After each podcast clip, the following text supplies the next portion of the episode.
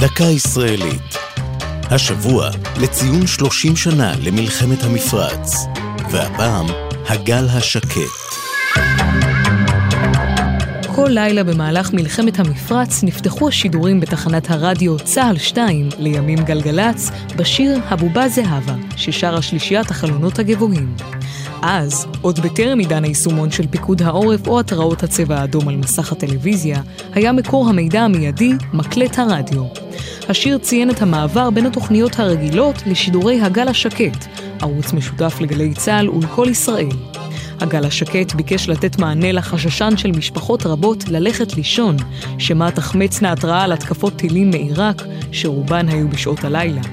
הרדיו שידר למעשה דממה, אפשר למאזינים לישון בשלווה ללא רעשי רקע, וחזר לפעול כאשר היו אזעקות אמת. מאוחר יותר נמצא שהגל השקט הוא פתרון יעיל גם לשומרי השבת, שיכלו להתעדכן מבלי שנאלצו לחלל את השבת בהאזנה לרדיו.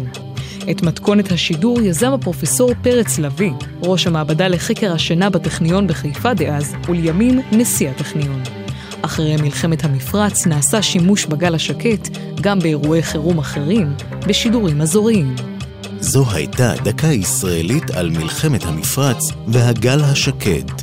כתבה טליה כהן, עורך ליאור פרידמן, הגישה עמלי חביב פרגון.